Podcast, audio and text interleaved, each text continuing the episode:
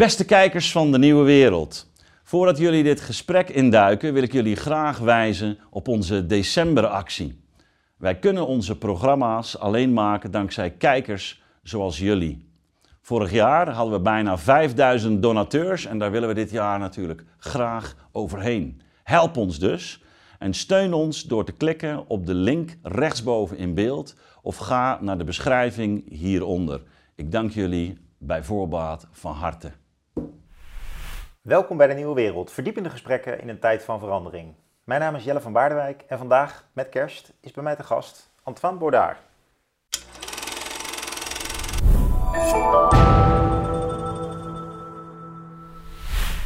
Antoine, jij bent hoogleraar of emeritus hoogleraar? Moet emeritus hoogleraar.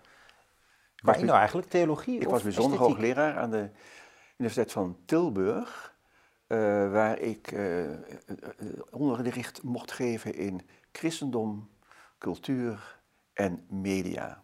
Ah, nou dat is jou op het lijf geschreven. Het was dus echt een leerstoel die op mij, op mij geënt was, ja. ja. ja. En daarvoor was ik, was ik universitair docent aan de Leidse Universiteit. Hm. Voor uh, enerzijds de beeldende kunsten van de middeleeuwen en de renaissance. En anderzijds uh, de, voor de filosofie van de kunst. Hier heette dat in die tijd theoretische kunstgeschiedenis. Hm. Mooi vakgebied eigenlijk, de esthetica. Ja, dat, uh, dat uh, vind ik zelf ook nog steeds. Um, ja, ik, ik, ik, denk dat de factor schoonheid in het überhaupt uh, veel te weinig als aparte categorie is beschouwd in de loop van de tijd. Dus je herinnert je nog, in de 18e eeuw is, dus, is dat echt een vak geworden. Um, maar in feite, die hele periode daaraan voorafgaand, bij, bij, bij, mij, bij voorkeur beginnend bij Plato, is het, gaat het natuurlijk ook voortdurend over schoonheid. En in, de, in het christendom is natuurlijk God waar, schoon en goed en één.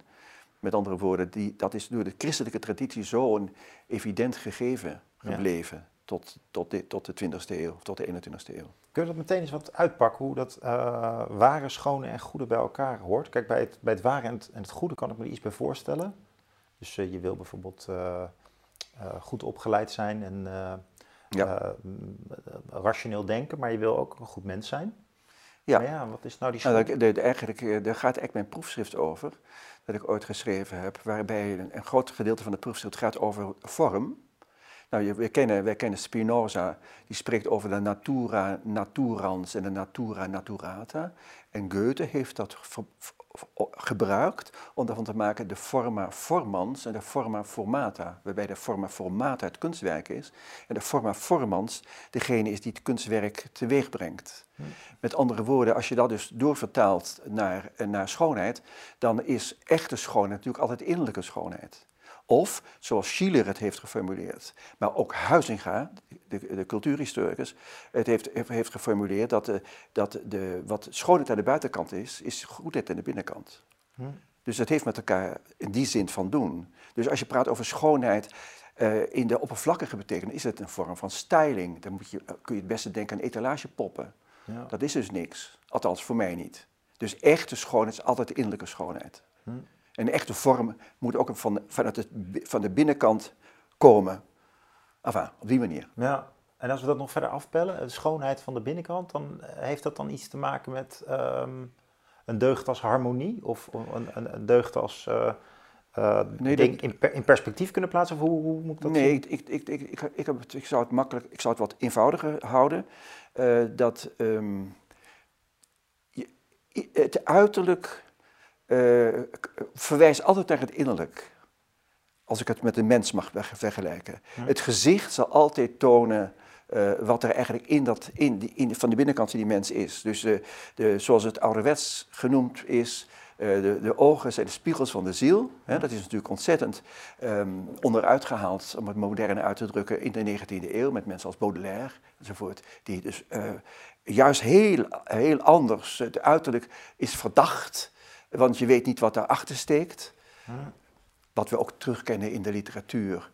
Bijvoorbeeld, wat ik altijd nog een heel goed voorbeeld vind, dat is het Oscar Wilde met de The Picture of Dorian Gray. Dat, die, die mooie jongeling, die, uh, die heeft de, de, pact gesloten zodanig dat het uiterlijk schoon blijft, maar dat het innerlijk verpest is. Dus die hele die tweede helft van de 19e eeuw, met name in het symbolisme, zie je heel sterk um, de, uh, het uiterlijk zegt niets over het innerlijk. Maar ik hou, er, ik hou het eraan, ik hou het erop, uh, zoals het ook al vanuit het Platonisch denken is, dat het uiterlijk en het innerlijk met elkaar van doen hebben. En dat, en dat in zekere zin uh, de uiterlijk verwijst naar jouw innerlijk. Nou ja, dus, dus in jou schuilt toch ook wel een fysionoom die andere mensen leest en denkt, nou, dat gezicht te zien, ja, dat denk ik heb wel, je het ja. zwaar. Ja, nee, maar we kennen het toch al. Kijk, als je, als je uh, ouder wordt, uh, dan, kun je, dan hoef, je, hoef je niet te beperken tot het tonen van je boekenkast of het tonen van je kleerkast. Maar je kunt beter je gezicht tonen. Je gezicht toont alles. Hm. Daar houd ik het alvast op. Ja, wel, mooi. Ook gewoon weer gezond verstand gewoon. Um, je mag mensen natuurlijk niet te veel beoordelen op hun gelaat of hun verschijning. Maar je zegt eigenlijk, ja, maar er staat toch wel ergens symbool voor. Um, die schoonheid, hè? Je, je refereert aan Plato. En uh, uh, waarom denk je eigenlijk dat, die, dat, dat er zo'n cyclus is geweest van dat schoonheid het doet en dat het weer vergeten is. En dat we nu in een situatie zitten waarin schoonheid eigenlijk helemaal niet meer ja, ertoe lijkt te doen. Bijvoorbeeld wanneer je kijkt naar architectuur of kleding. Uh, ik heb wel het idee dat schoonheid populaire, meer populaire tijden heeft gekend. Uh, dat golft zo door die geschiedenis heen. En je hebt dat ook bestudeerd. -hmm. En waarom is, dat, waarom is dat nou eigenlijk zo? Waarom, waarom, waarom verloren die, die, die opvatting bijvoorbeeld van de eenheid van het schone, het ware en het goede en hoe dat in kunst bijvoorbeeld van Botticelli of zo iemand? Nou, daar was het natuurlijk wel nog aanwezig. Ja, in, in, in, het, in het Quattrocento. Maar dat, ik denk dat het, kijk, als ik het, als ik het wat schoolmeester mag formuleren, ik moest natuurlijk op een of andere wijze grip krijgen op die geschiedenis van de filosofie van de kunst. En dat heb ik, dat heb ik toen ingedeeld in vier begrippen. En, um, en dan kom ik meteen op bij het antwoord ook. Ik denk dat, dat aanvankelijk was uh, schoonheid vooral iets objectiefs. Denk maar aan, denk maar aan harmonie en evenwicht met, van de oudheid uit in de architectuur met Vitruvius, wat overgenomen is door Alberti in de 15e eeuw met zijn boek De Re Edificatoria. Uh, over de, dus ook, over, de, hoe een architectuur moest zijn. Um, da, en de, wat betreft de beeldende kunsten was in de middeleeuwen de filosofie, pardon, de theologie heel overheersend. De filosofie was diende tot de theologie. En als we denken aan Dionysius de Areopagiet, uh, die, um, die dus een, een, niet alleen een, een, mystieke theologie heeft geschreven, maar die ook heel uitvoerig zich heeft bezig gehouden met, um, met um, wat, wat, wat licht en wat goud betekent. Dat is een soort baker, ba een fundament van zijn filosofie. dan kun je je ook voorstellen dat je de hele middeleeuwse filosofie in dit opzicht kun je eigenlijk toch ook gedeeltelijk althans ophangen aan, aan dat begrip uh, licht. Hmm. Denk maar aan de Godische kathedrale, maar je kunt ook denken aan, de, aan, de, aan het Romaans. Uh, en denk ook aan de, aan de mozaïeken, denk ook aan de iconen. Um, enfin, en, dan, en, dan, en dan krijg je, en dat is dus de wending, dan krijg je dus met, met David Hume en andere, Burke, krijg je dus die, die, die hele idee van de sublime, wat vooral betekent, wat word ik gewaar? Wat overkomt mij? Hmm. Dus dat was het idee, uh, bijvoorbeeld, uh, naar ik, naar ik weet, meen te weten, nog Petrarca en nog, nog Erasmus hebben uitgeschreven over, uh, over de leving van het landschap. Petrarca heeft dat gedaan toen hij op de Mont Ventoux kwam. Heeft hij dus Augustinus' belijdenis overgeslagen, heeft hij er wel iets over gezegd. Maar de beleving, de natuurbeleving, was nieuw in zekere zin. Die is met Burke gekomen. En, en die is voortgezet uiteraard. En, en dat betekent dus um, bijvoorbeeld, ik ben overweldigd. En dat heeft niets meer te maken met, uh, met harmonie of evenwicht. Of de bron van het licht. Hm. Nou, en daar is het begin volgens mij van dat, de afbrokkeling van schoonheid. En ook de subjectivering van de schoonheid. Nou ja, terwijl die mannen zelf nog zouden zeggen dat het de natuur zelf is die iets in jou openbaart of zo. Hè? Dus het... Ja, zeker. Het is, dit is in die zin nog objectief bij hen. De, de bergen, ja, die de zijn oceaan. ja, dat kun je zo zeggen. En toch ligt er een accent op hoe beleef ik de oceaan, hoe beleef ik het, uh, het gebergte bijvoorbeeld. En dat is zich natuurlijk zeker sinds voortgezet tot in de 20e eeuw. Zo heb ik het althans altijd hier, uh, hier in Leiden uitgelegd aan, aan, studenten. Als je dus een, uh, als je een reclame op de televisie ziet en je ziet een, een um, Nou, dat is geen goed voorbeeld. Dat, dat, nou ja, een, eh, gewoon een mooie esthetiserende reclame, die een, een genot voor het oog. Eh, ja, maar dan, dan is dan, kijk, als je dus, als je dus denkt, dat, dat, daarom eh, moet ik schakel ik nu maar. Um, kijk, als je denkt aan, wat is schoonheid bijvoorbeeld bij Homerus? Schoonheid bij Homerus is uh, dat het een verhoogd, een verhoogd vorm van zijn is. Dus een huis dat mooi is, moet ook een stevig dak hebben. Dus niet alleen maar esthetisch. Nu, wanneer je dus bijvoorbeeld een reclame ziet waarin een, een, een, een, zoon met een vader buiten zijn, die komen binnen in dit jaargetijde. En ze kijken door de ruit naar binnen en ze zien een vuur branden, of in ieder geval de kachel. En, en er komt een grote rookworst op tafel enzovoort. Dan geeft dat een verhoogde vorm van zijn. Dat is eigenlijk het, het, het, kalosbegrip van destijds van Homerus. Hm. Omdat het aan een bepaalde ideaaltype eigenlijk beantwoordt ook het gezellige gezin? Het gezellige gezin, dat is dus dat is het gezellig gezin, eh, de, het goede eten, de geborgenheid van het gezin enzovoort. Nou, en dat, dat, is, dat is natuurlijk, dat kun je terughalen bij, uh, bij Homerus al. Maar daarmee moest ik mezelf onderbreken, omdat ik probeerde uit te leggen wat, die, wat, die, wat het is. Als je dus als je thuis bent en je zit met een, met een glas bier voor de televisie op zondagavond, zaterdagavond bedoel ik, um, en, je, en je hebt een hele spannende film dan zit jij veilig in jouw stoel en met, met je biertje, maar daar is allerlei ellende. En die, die, die plaatsvervangende sensatie, het is ook een vorm van sensatie, dat, is, dat, dat schouw ik zien voortkomen uit de sublime, die toen, de subjectiviteit die toen eh, van de tijd van, van Burke en Hume zo belangrijk was. Zo, zo heb ik het altijd, altijd, altijd proberen uit te leggen. Ja, ja.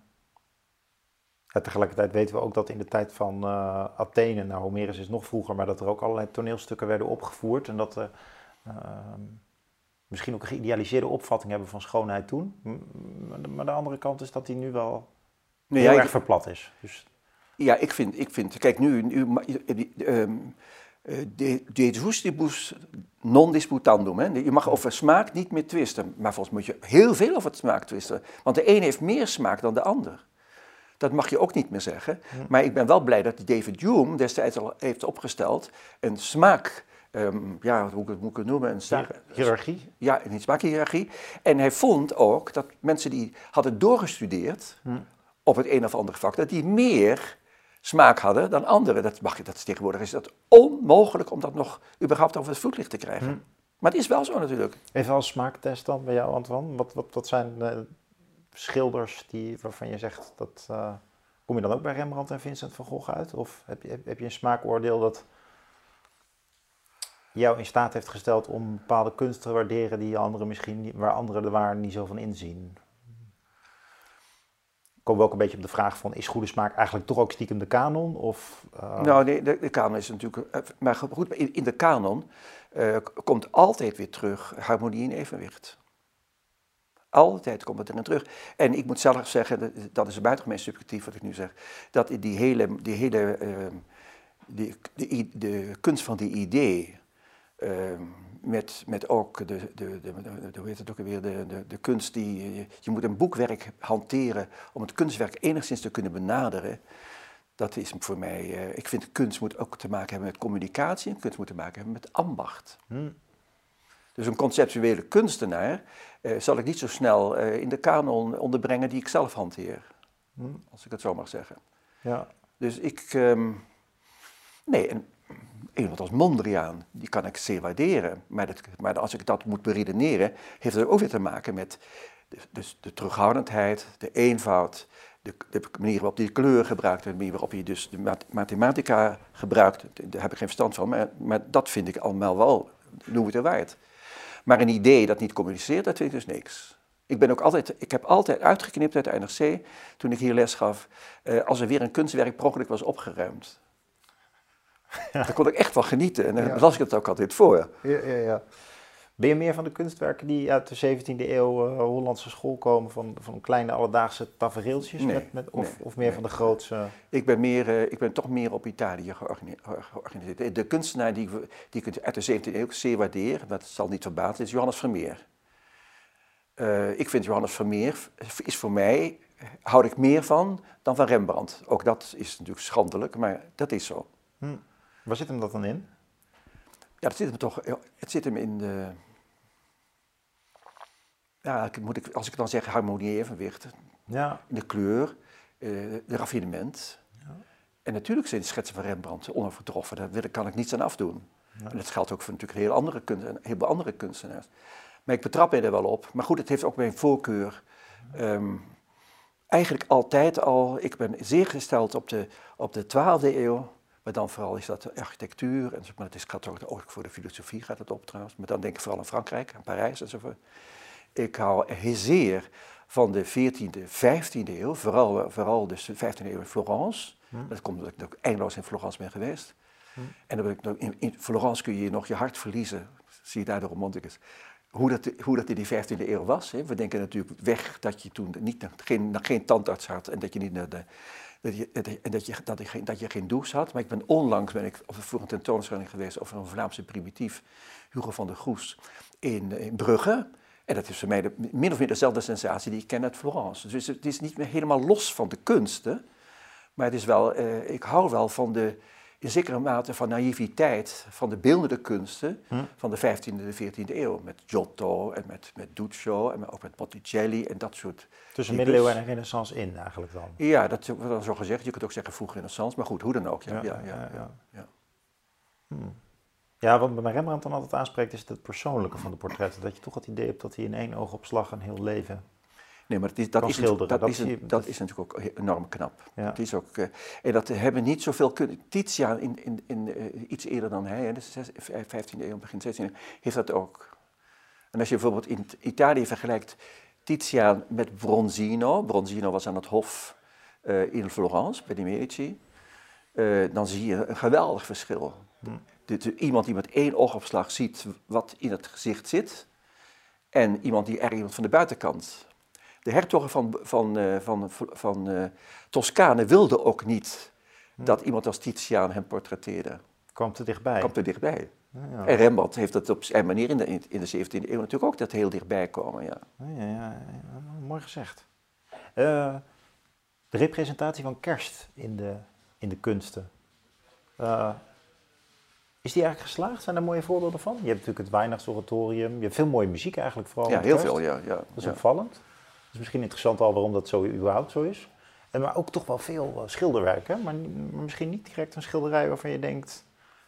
alsof de hele situatie van Jezus in de krib de schilders niet zo heeft... eh, Nou, ik denk dat het toch nogal meevalt. Als je, kijk, het is natuurlijk pas een, het is pas een echt genre begonnen vanaf, vanaf, vanaf ehm, Franciscus van Assisi. Die heeft meer of meer die kerst al hier in het Westen uitgevonden. Maar ik ken toch wel voorbeelden, met name in Italië, waar heel wat kerstvoorstellingen zijn die ik wel de moeite waard vind. hm, hm. En dan denk ik, dan ga ik, goed, dan denk ik natuurlijk bijzonder aan mijn eigen eeuw, dus de 15e eeuw. Ja. Eh, maar en, kijk, wat mij zo in die 15e eeuw aantrekt, en ook de tijd daarvoor, dat de zaken ook vrij klein werden gehouden, zonder theater. Althans, in verhouding met weinig theater. Eh, zodra je in die 16e eeuw komt en je gaat voorbij aan Michelangelo, in Italië dan, dan, dan, wordt, het, dan wordt het allemaal zo theatraal.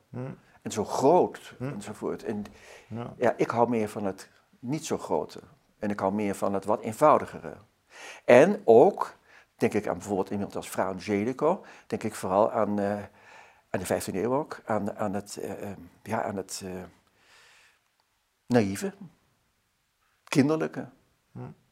Waarbij, je- waar je, waar je- waarbij je, het is een vredig tafereel eh, als je dat, als je dat in, de, zo in de 15e eeuw en ook in de 14e eeuw ziet. Je kunt je bijna niet voorstellen dat er zoveel oorlogen werden gevoerd als je naar de beeldende kunst kijkt van toen. Ja, ja, heel kwetsbaar of heel... Ja, kwetsbaar is ook wat, eh, kun je ook zo zeggen, ja. Ja. ja, wat is veel moderne kunst dan eigenlijk ruw als je daarmee vergelijkt? Ja, ja, Maar misschien ook eerlijker. Misschien maar- is moderne kunst ook in die zin minder romantisch. Ja, de, nou, de, de, de moderne kunst is natuurlijk rauwer. Dat sluit voor mij aan bij de conceptuele kunst. Hè. Dat Je, Ja. je, moet, je moet uit jezelf, moet je, de, de originaliteit is natuurlijk de ziekte van de, van de kunst geworden. Hè. Iedereen moet origineel zijn. Waarom eigenlijk? Ja. Is het niet de ziekte van de tijd sowieso dat alle mensen origineel willen zijn? Nou ja, dat is natuurlijk Willen innoveren, willen veranderen. Ja, nee, en dat vind ik persoonlijk wel, ja. Kijk, het is ook een, het is ook een, eh, lange tijd een, eh, een, een gebruik geweest, in de literatuur ook, dat mensen gewoon citeerden. Dus uit, Ja. uit, uit de literatuur. Zelfs dat is nog een ontwikkeling. Er, is een hele, er zijn hele beschavingen waarin dat citeren minder serieus wordt genomen. hè, Waarbij het meer gaat om Ja. eh, het kunnen... Ja, je hebt die, die, die, die drietapsraket ook. Hè? Ik dacht imitatio, emulatio, dan... Nou ja, Ja. In ieder geval het idee van eerst maar eens imiteren. En, eh, Nee, de mimesisgedachte, ja, ja, en, en, en dan kom je binnen de vorm wellicht zelf tot een kleine innovatie. Maar eigenlijk is de imitatie zelf al heel mooi. En tegenwoordig kun je dat tegen een bachelorstudent al niet meer zeggen. Van het zou mooi zijn als je je scriptie goed citeert en een redenatie goed kunt opschrijven. is eigenlijk al heel goed. Dan kun je al negen mee halen. Dan zit er zo van, is maar ik wil wel iets nieuws doen. Ja, maar dat is helemaal niet nodig. Dat, eh, dat, eh, En er komt nog bij dat wij natuurlijk ook in een periode zijn, maar dat wil, ik wil niet de cultuurpessimist uithangen, maar dat als je, als, je, als je nu nog citeert, dan ben je een aansteller. Kun je, kunt u het niet gewoon zeggen. Hè? Dus, dus de, de idee van de grote bildung, Ja. waar overigens de huidige minister volgens mij van cultuur, eh, eh, van onderwijs, Dijkgraaf? ja, dat die wel, dat die heeft, die heeft daar wel enigmatig gevoel voor, heb ik de indruk. Laten we het hopen. Nou ja, dat hoop ik. Er is, wel. ook reden, is ook reden om te twijfelen aan zijn eh, ambitie. Oh, nou, ik, ik, ik- Hij wil het allemaal gelijk scharen. Oh, maar ik zie het een beetje vanuit Italië. Misschien zie ik het een beetje te gunstig. Hoewel, ik, ik hoorde zojuist, en dat is een heel ander thema, en dat hoorde ik, meen ik net zeggen op de radio vanochtend. We zitten vlak voor kerstmis, eh, ehm, 21 december. Eh, hij, kijk, ehm, hij pleitte voor de herwaardering, waar hij ook persoonlijk al heel lang voor pleit, voor de herwaardering van de handenarbeid. Ja, nee, dat klopt. Dat, Eh, eh, het, is eigenlijk, het is eigenlijk te belachelijk dat, dat, eh, dat handenarbeid zo ontzettend lange, lange tijd werd ge- ja, minder werd geacht nou, dan de hoofdarbeid. Terwijl het enige onderscheid is dat de ene persoon in- ooit eens een overall aan had en, en wij een, een, een, een, een das aandeden. Maar dat is toch eigenlijk onzin? ja. En bovendien, de, de huidige tijd, eh, eh, waar gaat het er ook over? Want de mensen die in de handenarbeid verrichten, verdienen meer geld dan de mensen aan de universiteit. Ik laat even de medici buiten beschouwing en dat soort mensen. Ja, nee, dat is ook een. Ik bedoel, er valt veel over te zeggen. Onder andere dat ook een misverstand is over de universiteit als een theoretisch instituut. Er zijn allerlei opleidingen die natuurlijk vrij concreet zijn. Ja, maar En eh, kijk, een tandarts is natuurlijk eigenlijk ook een bouwvakker met een academische opleiding. Ja. hè? Dus zo moeilijk is het niet. Alleen je verwacht een meer academisch geschoolde nou ja, en de, de universiteit. mindset. Ja, goed, maar kijk, de, de, de universiteiten, universiteiten zijn natuurlijk steeds meer geworden, eh, zoals dat een beetje om is geformuleerd, als een, als een zeer uitgebreid lager onderwijs. Ehm, wat maar, waar het natuurlijk om gaat in de universiteit is dat niet alleen dat je, dat je een vak stude- bestudeert, en ook als het een hele exact vak is, bijvoorbeeld een tandarts, juristen horen in zekere zin er ook bij, eh, dat, dat het omgeven werd door het studentenleven en ook met het studium generale enzovoort, waardoor die algemene bildung daarbij kwam. Ja, was het in jouw tijd nog? Ja, Was- ja. Nou ja, Had dat je het was, idee toen je studeerde dat je een algemene ontwikkeling doormaakte? Ja? Als, als, Ja, meer, maar- dan, meer dan studenten nu? ik denk het wel, ja, maar er was ook meer tijd. Kijk, ehm, Hoe ehm, lang heb je gestudeerd, Antoine? nou, echt het hele leven door. Ja, je hebt recent ook nog een studie afgerond. Ja, hè? dus ik, heb, eh, ik ben begonnen met geschiedenis. En de, dat, dat vond ik interessant, maar dat was net in de periode natuurlijk dat, eh, dat de Amsterdamse Universiteit, waar dat was, eh, zo rood was dat, eh, dat je amper tijd had om, je, om, om gewoon eens prettig gewoon te lezen enzovoort. Ehm, en toen ben ik van schrik ben ik naar Basel gegaan. Waar ik, waar, dat Naar was om- Basel? naar Basel, dat was om twee redenen. Ook omdat ik daar een gele- gelegenheid kreeg om erheen te gaan. Niet meer dan een semester. Omdat ik me en bezig hield met Erasmus. En erg geïnteresseerd was in, in de Jacob Boerekhart, de cultuurhistoricus. En, die was, die- en dat was in dezelfde tijd Nietzsche ook daar was. Ja. Dus dat was voor mij een reden om daar eens te... En toen was ik dus aan een klassiekere universiteit. En toen ben ik teruggekomen naar Leiden. En hier heb ik toen gedaan, eh, ben begonnen met filosofie. Toen heb ik dat onderbroken voor kunstgeschiedenis. Toen ben ik meteen gaan doseren in de kunstgeschiedenis. En toen heb ik, de, heb ik literatuurwetenschap afgemaakt. Dat was bij de, mijn grote leermeester Sam Dresden, die hier een hele belangrijke hoogleraar was. Oorspronkelijk een romanist, maar die naar de hand de algemene literatuurwetenschap deed. En vooral de comparistiek, wat ik het meest interessante vind in die literatuurwetenschap. En vanuit daar heb ik dan, ben, ik, theologie gaan studeren en, en toen ben ik gepromoveerd in de filosofie in Amsterdam. Af, afgemaakt hier in Amsterdam. En toen heb ik theologie gestudeerd. En dat heb ik toen voortgezet in Rome. Eh, eerst aan de Gregoriana, uh, Jezuïte Universiteit. En vervolgens heb ik dan alsnog een master gedaan aan, de, aan het Augustinianum. Dat is een andere universiteit die bij de Lateraanuniversiteit hoort. Kortom, ik heb hier, hier en daar eh, rondgekeken. En ik heb dus Je die... hebt een leven lang gestudeerd. Ik heb heel lang, heel leven gestudeerd, ja. Ja. Jouw meest recente studie ging over de theologie van Ratzinger. Ja, ja zeker. Ja, ja. Ja. Dat heb ik gedeeltelijk gepubliceerd. Gaat dat ook over schoonheid? Dat gaat, dat gaat over liturgie. Althans, het gedeelte dat ik nu gepubliceerd heb. En liturgie heeft natuurlijk alles te maken met kunst. Heeft te maken met literatuur. Heeft te maken met beeldende kunst. Heeft te maken met, architectuur. Met vormgeving in het algemeen. Met muziek. Enzovoort. Dus het is echt een soort samenkomen van alle, alle dingen die ik wel, wel buitengewoon interessant vind. Dat ik het terughoudend genoeg formuleer. Wat, wat, is, wat is typerend voor de liturgieopvatting van Ratzinger, zoals jij hem interpreteert? Nou, ten eerste dat het een universeel, gegeven is, maar dat is niet precies waar, wat, wat mijn benadering zozeer is. Mijn benadering is veel eer, eh, het, ehm, het is een spel, dat zegt een andere theoloog overigens, het is een spel. Ehm, en ehm, dat is een gestileerd spel. Het is dus geen ritueel. Het is dus als spel ook ritueel. Oké. Dat kan niet anders. Met de, met- wij stikken van de rituelen. Hè? De promotie, ehm, de pedel eh, komt binnen en eh Ja. hora est. En eh, dat is ook een, een ritueel. Ja. Het Prinsjesdag, leven de koning, is, of hoe heet het ook alweer, hoera, dat is ook een, ritueel. Dus de katholieke kerk is ook een ritueel. Maar het is, het is een ritueel, maar als ritueel is het een liturgie. En de liturgie heeft te maken met de omgang met God. In, op gestileerde wijze, zoals de katholieke kerk dat kent, en zoals de orthodoxe kerken dat nog veel meer hebben bewaard, wat bij de protestanten, in de protestante traditie eigenlijk veel minder is. ja, Dat kan ook gestileerd zijn, maar dat is toch eigenlijk anders. uitgebeend. Ja, en dat betekent dus ook dat, dat bijvoorbeeld in de, als, je de, uit een, als je een tekst in de liturgie leest uit, eh, uit de Bijbel, dan zal het een gestileerde vertaling zijn. Hm. En geen huis- en keukenvertaling. Ja, die kun je thuis gebruiken, maar niet in de liturgie. Maar de, je, je bedoelt, het is in Latijn of wat? Nee, nee Wat het kan ook in? Nederlands zijn, in alle talen. Gestileerd betekent dat je geen huis- en keukentaal gebruikt Hm. in de vertaling. Dat je, het gaat om een taal die je kunt herhalen in het ritueel. En, en de- het grote voordeel van vroeger, toen keurig scheiden dan de katholieken deze vertaling hadden en de protestanten die vertaling hadden, eh, dat men ook veel uit het hoofd kende. Maar wie leert nog po- poëzie uit het hoofd? En wie leert dus nog een lieder uit het hoofd?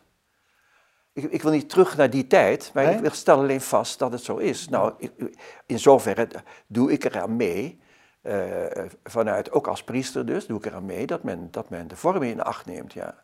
Omdat namelijk, wanneer jij niet in de weg zit van die mensen, maar dat jij de vorm voor zichzelf laat spreken, en ook de teksten voor zichzelf laat spreken, en de handelingen voor zichzelf laat spreken, zit jij, zit jij niet tussen God en die mensen in. Als ik het even hoogdravend formuleer. Ja, dat is een mooie, mooie protestantse formulering, ook op een bepaalde manier. Dus niet, niet, niet tussen de mens en God in willen zitten Nee. als priester. Nee. Nee. Dus daar, dat is ook. eh, Wat is de- een bijzonder schoon voorbeeld van, eh, van de hedendaagse liturgie? eh, Die ook misschien wel iets zegt over hoe Ratzinger dat zegt? Wat een typisch voorbeeld van wat dan, waar dan die schoon... Nou, eh, een van de dingen die hij noemt, goed, dat is, dat is bij hem natuurlijk ook een kunst. is Zo, liturgie is sowieso een gezamtkunstwerk. En hij, hij, hij gaat vrij ver door op Guardini. Dat is de man die, dat, die de vergelijking heeft gemaakt eh, van liturgie met spel. En dat is door Huizinga overgenomen op een of andere manier in zijn Homo Ludens. Later dus. Hm. Oh, kun, je, kun, je, kun je ook zien aan, de- aan, aan de affiches van, van Guardini bij, die bij Huizinga in de kaartenbak staan, hier op de Univers- Universiteitsbibliotheek. Ehm, dan is bijvoorbeeld wat Ratzinger ook zeer benadrukt, daar heeft hij ook veel over gepubliceerd, dat is dat muziek, niet alle muziek is geschikt voor de liturgie. De, liturgie, de muziek moet passen in de verhevenheid, vergeef me deze formulering, van de liturgie. Dus toen in de katholieke kerk, eh, in de jaren na het Tweede Vaticaanse Concilie, dat is in 1965 afgesloten geweest, eh, de, de in de kerk eh, haalde, de katholieke kerk haalde, was dat het zijn om vooral de kerk te verlaten. Dat is niet meteen gebeurd, maar er is een directe verbinding tussen de verslordiging van de, van de liturgie en, en, de, en het binnenhalen van allerlei zaken eh, die helemaal niet nodig waren. Dus waarom is, waarom is er zoveel mooie muziek gecomponeerd? Ehm, ook rond het kerstgebeuren, maar ook rond, eh, rond de liturgie, vanuit de liturgie. Dat heeft alles te maken met die, met die opdrachten uit- uiteraard die die, die, die kunstenaars hebben gekregen. Ehm, en het was ook een eer om dat te doen. De huid, een van de weinigen die dat nu nog doen, is Ivo, eh, is Pert, hè, de man uit, eh, uit Estland, Letland, Estland. eh, die, die eenvoudige, moderne muziek heeft, Hmm. maar die aansluiten bij de grote traditie van de muziek in de kerk. En nou wil ik niet afdoen, Bach heeft dat natuurlijk ook. Bach is natuurlijk ook een kanon. Maar niet voor niks, eh, in deze tijd horen wij overal het kerstoratorium van Bach. Of, of het Alleluia van Hendel met allemaal wat erbij hoort. Ehm, maar niet alle muziek.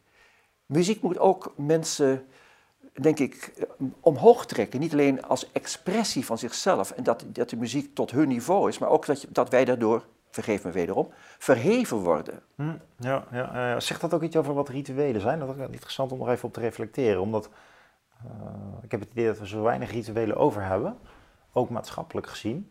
Hoe we elkaar groeten of hoe we met elkaar omgaan als collega's. Of, eh, of hoe je- Ja, en dat hangt er vanaf. Als je het, kijk, als je het, als je het, eh, het ritueel oprekt, Hm, dan kun je zeggen dat het winnen van de voetbalwedstrijd, wereldkampioenschappen, of wat was het ook alweer, in Argentinië of in, eh, of in Frankrijk, dat dat wel degelijk ook rituelen zijn. Eh, Het verschrikkelijke ritueel wat we hebben hier hebben meegemaakt in, in Nederland, toen die ramp is geschied met het vliegtuig naar Oekraïne, en dat je alleen maar zwarte auto's zag rijden over de snelwegen. En dat was het dan. Ja, dat, dat vond ik wel een armelijk ritueel, maar het was wel een ritueel. nou ja, ja. Dus we hebben wel rituelen. En ik denk alleen, eh, wij zijn zo door elkaar geschud. Want als je een, ja, wat ik nu zeg, het is buitengewoon flauw, maar ik zeg, ik zeg het toch op deze manier, omdat het nou zo flauw is, maar daardoor zo herkenbaar is. Kijk, bij de emancipatie van de vrouw, wat eigenlijk, het natuurlijk ook betekent de emancipatie van de man, had je een aantal mannen, maar ook vrouwen, die vonden niet, niet meer dat ze nog in de jas geholpen hoefden te worden. Nou, dat is een teloorgang van een ritueel. Dan denk ik, goh, maar eh, je kunt er toch een beetje mee spelen. Je kunt heel, heel goed gelijkwaardig zijn, maar je kunt best een beetje elegant blijven, niet? Dus dat, dat er is een ritueel dat je dus eh, weggegooid hebt. ja, ja. Vind ik heel jammer. Ja, Zijn, ja want jij, jij bent 74 geloof ik hè? Nee, ik ben eh, 77. 77. En in, in, die, in, jouw leven zijn er toch vooral heel veel rituelen afgeschaft hè? In, Ja, in onze cultuur. ja. Of zijn er ook bijgekomen? Nou ja, dit zijn die ik net noemde, die zijn er wel bijgekomen natuurlijk. Ja, het WK. De WK bijvoorbeeld, maar, maar ook eh, de, de omkering van rituelen. Ik bedoel, in, de tijd dat ik in Amsterdam studeerde, was het zo dat eh, ja, je moet vooral je niet kleden. Je moet je vooral niet kleden. Dus iedereen zag eruit als een soort eh, zwerver of een bedelaar. En dat, dat was, maar dat is natuurlijk ook een ritueel. De omkering van het ritueel. Ja.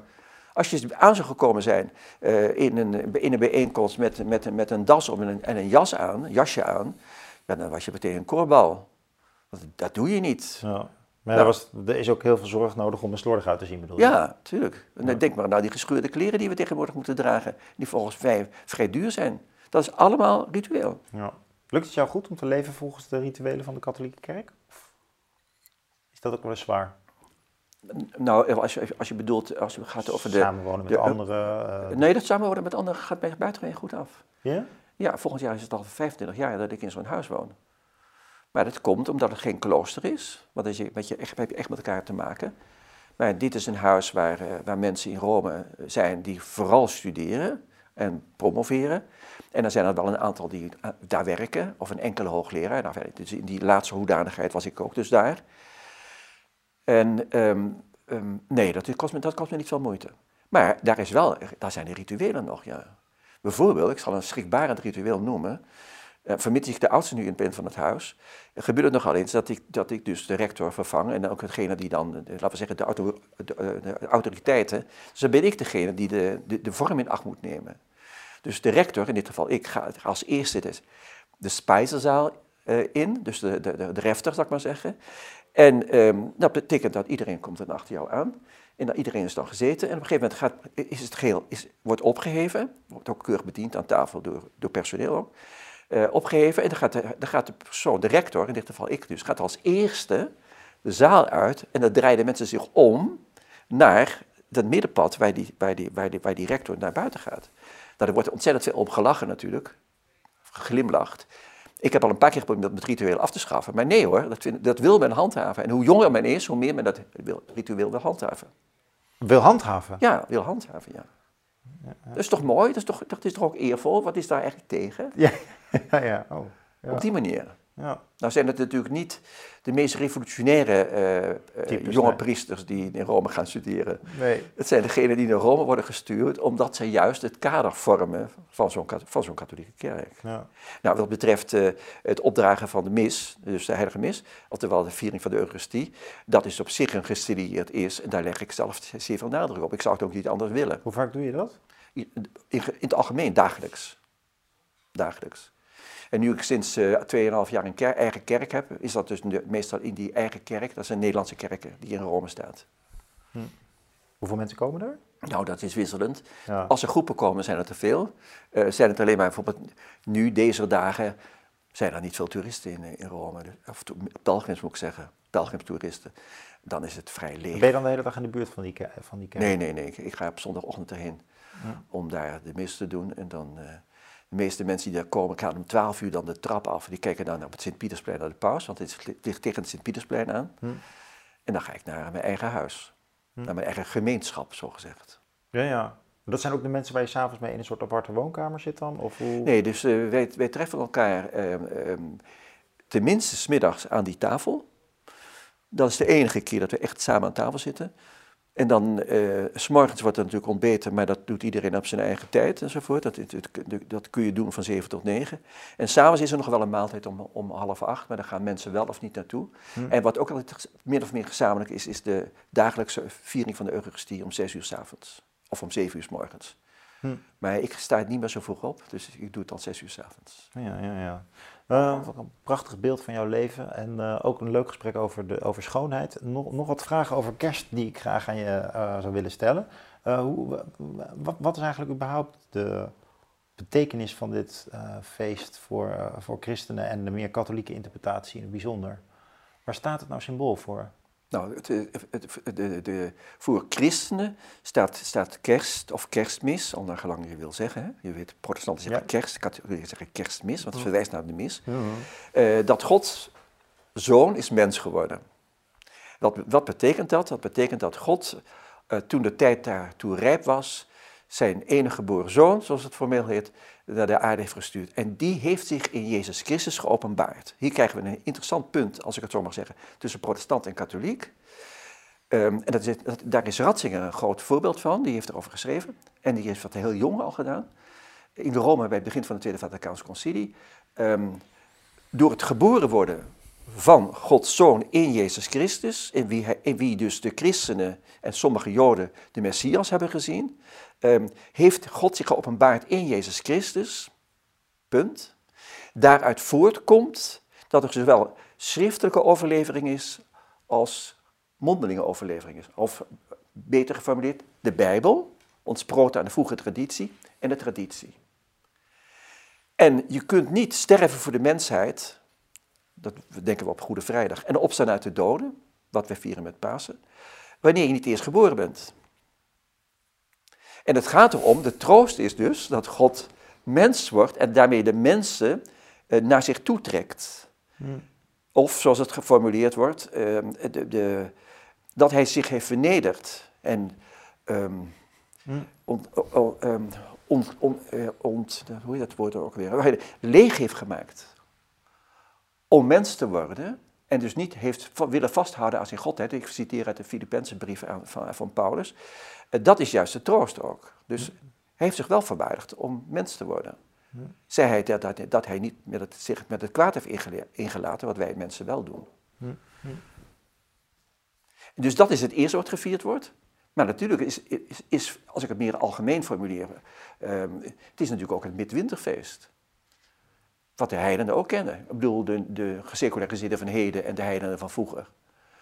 En het was natuurlijk in Rome, eh, dat hele, die hele, eh, dat hele kerstdatum heeft ook te maken met, met feesten die er in Rome werden gehouden in, in, in deze tijd van het jaar. Dus het heeft natuurlijk een hele grote context. Maar het is natuurlijk gekerstend op een gegeven moment. En nu, is het, wordt, het, nu wordt het langzamerhand weer ontkerstend. Ja. Maar als men weer mij vraagt, hou ik het natuurlijk wel bij dat, dat, dat het kind geboren is in de kribbe. En de onschuld zich toonde in de wereld. En het licht uit de duisternis kwam. En de duisternis die het niet aannam. Dus de hele theorie van die middeleeuwse eh, eh, eh, schoonheidsopvatting is dus de Dionysius de Areopagiet met zijn hele lichtsymbolieke lichttheorie en, en, enzovoort. is geënt op dat God zo'n mens wordt. Ja, en letterlijk de dagen weer lengen. De, Voilà, ja. Dus er zit een overeenkomst tussen, Ja, dat zou je zo kunnen zeggen. tussen God en de zon. Je, je gebruikt het woord troost, hè? En ehm, ik denk wel eens van het woord genade heeft er ook een beetje mee te maken.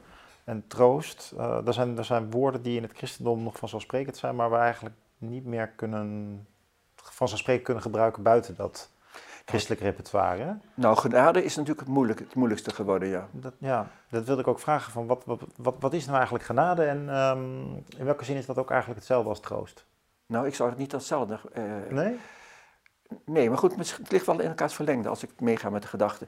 Ehm, ik, ik denk dat eh, genade is, is, dat is dat je, dat je, ehm, dat je ehm, in het leven iets kunt. En de kunnen is dan ook weer een moeilijk woord, maar dat je in staat bent om mens te worden, dus een, een beter mens te worden, door andere mensen nabij te zijn. Eh, en dat je dat kunt, is niet van jouzelf, maar dat komt van God. Oh ja. Dus God is echt de, ge- de gever. Hm. En wij, hij is ook het woord. En wij antwoorden. En hij is de gever en wij ontvangen dat.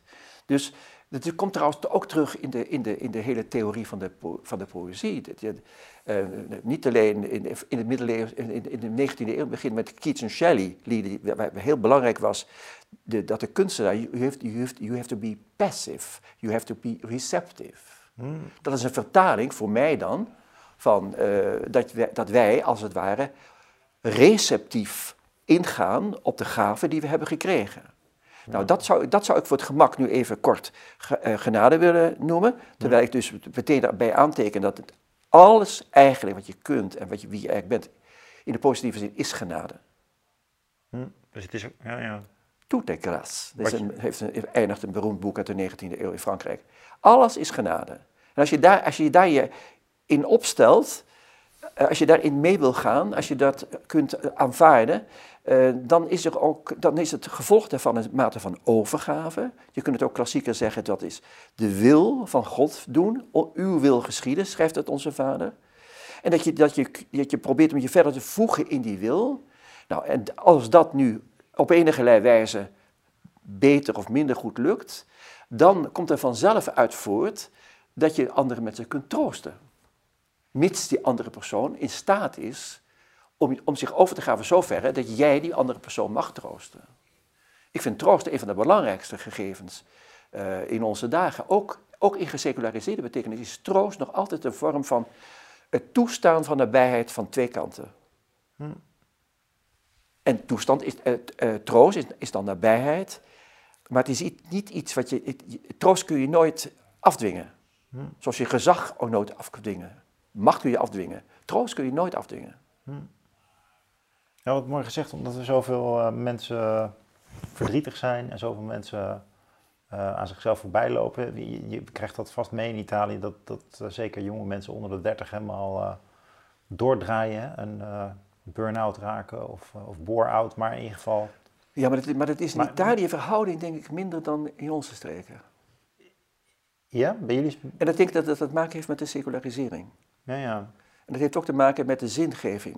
Maar niet, niet ook te maken met dat mensen dus zichzelf niet meer kunnen troosten of geen, ge- ge- genadeloos worden. Omdat ze dus eh, het leven niet meer kunnen, het leven niet meer zien als iets wat ze ook gegund wordt en waar ze mee moeten doen, waar ze voor... Die teneur is natuurlijk eh, aanwezig, zeker. Maar, in- maar als je het vergelijkt eh, tussen Italië en ook waarschijnlijk Oostenrijk, en, en, en, en waar, het, waar het hart veel meer mag spreken dan de rationaliteit. En bij, en bij het hart spreken hoort ook natuurlijk dat je een godsdienst durft te omhelzen.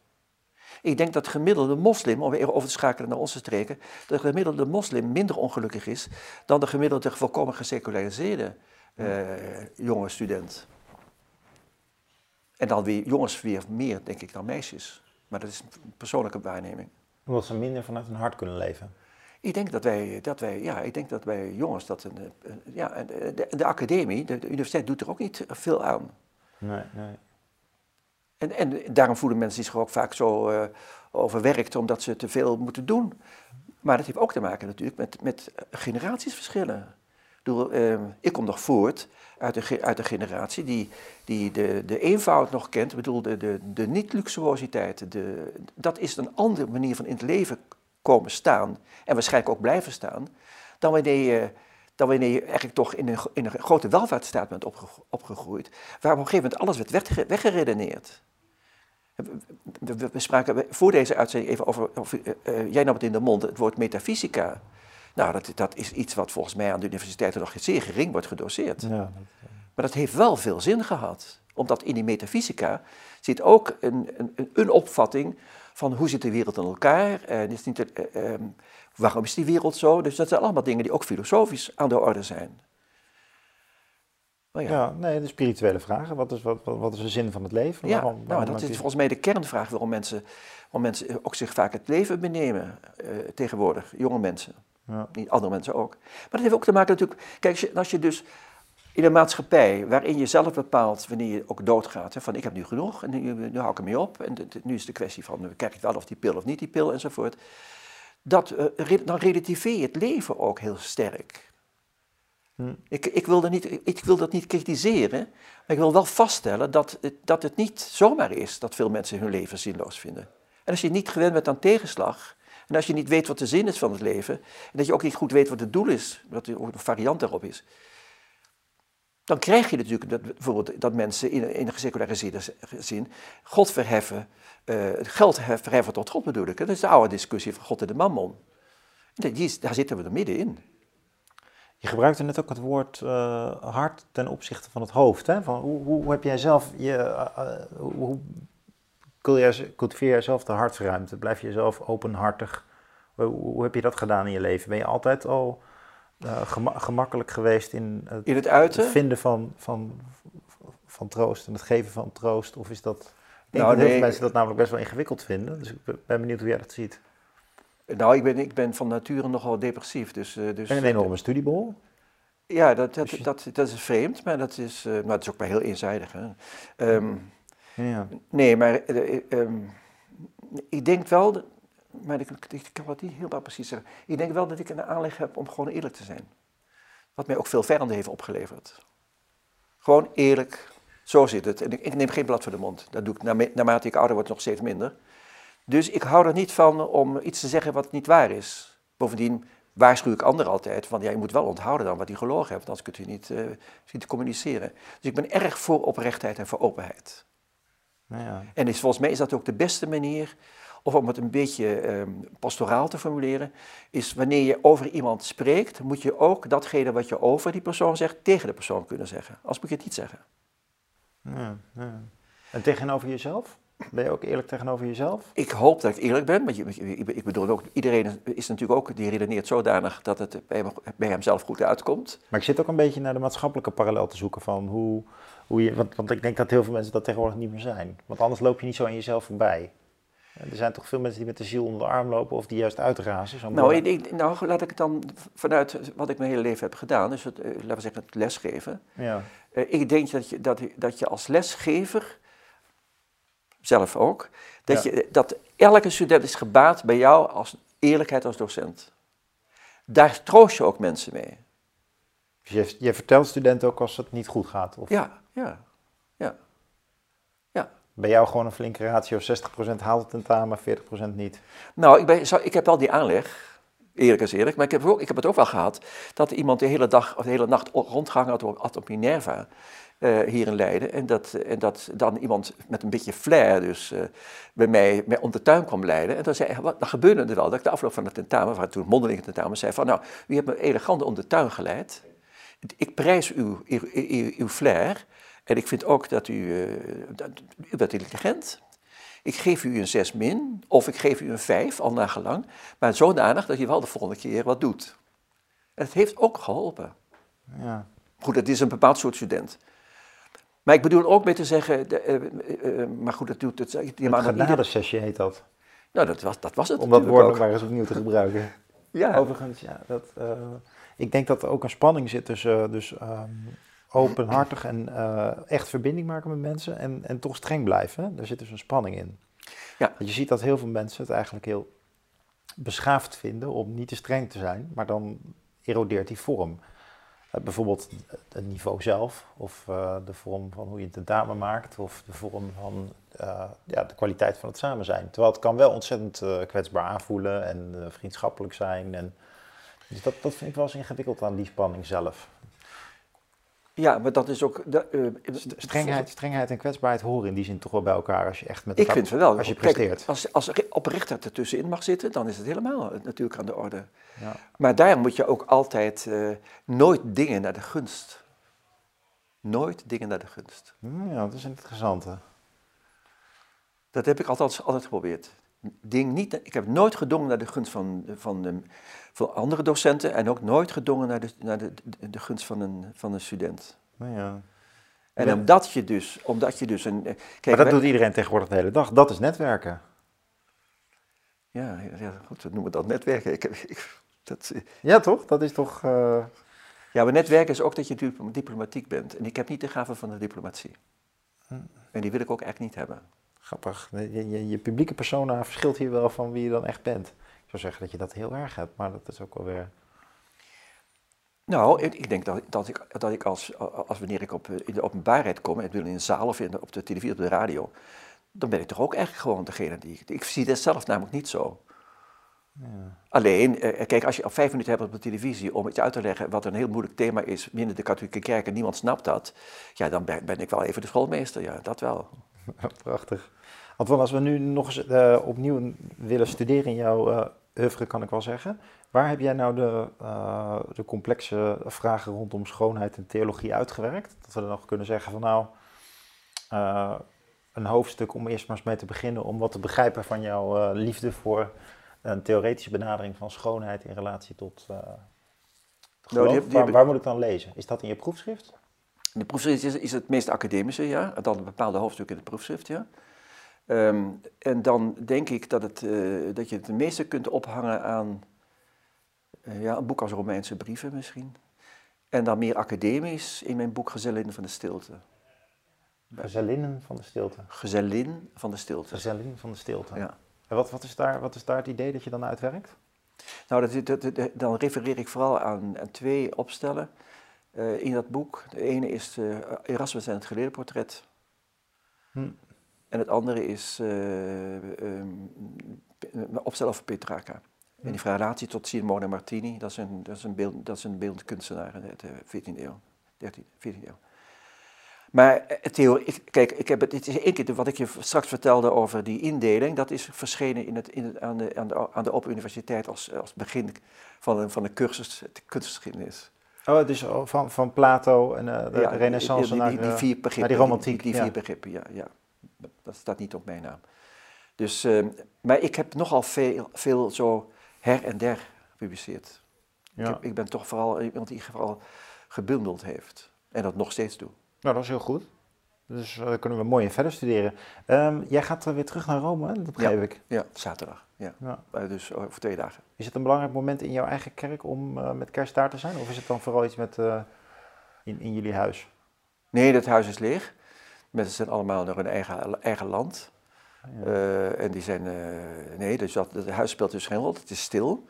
Uh, ik vind het wel belangrijk om in die kerk te zijn met kerstmis. Zowel de nachtmis als bij de dagmis. Maar als nou, volg, als nu blijkt dat er dit jaar bijna niemand komt en volgend jaar ook niet, dan neem ik hier iets aan in Nederland. Dan vraag je iemand anders om dat te doen. Dus het is, kijk, in zo'n stad als Rome, ja, dat natuurlijk op, op, op, op, op een dag als kerstmis en Pasen kijken veel mensen die gelovig zijn, ook protestanten en katholieken, kijken dan wel naar, naar de televisie in Rome.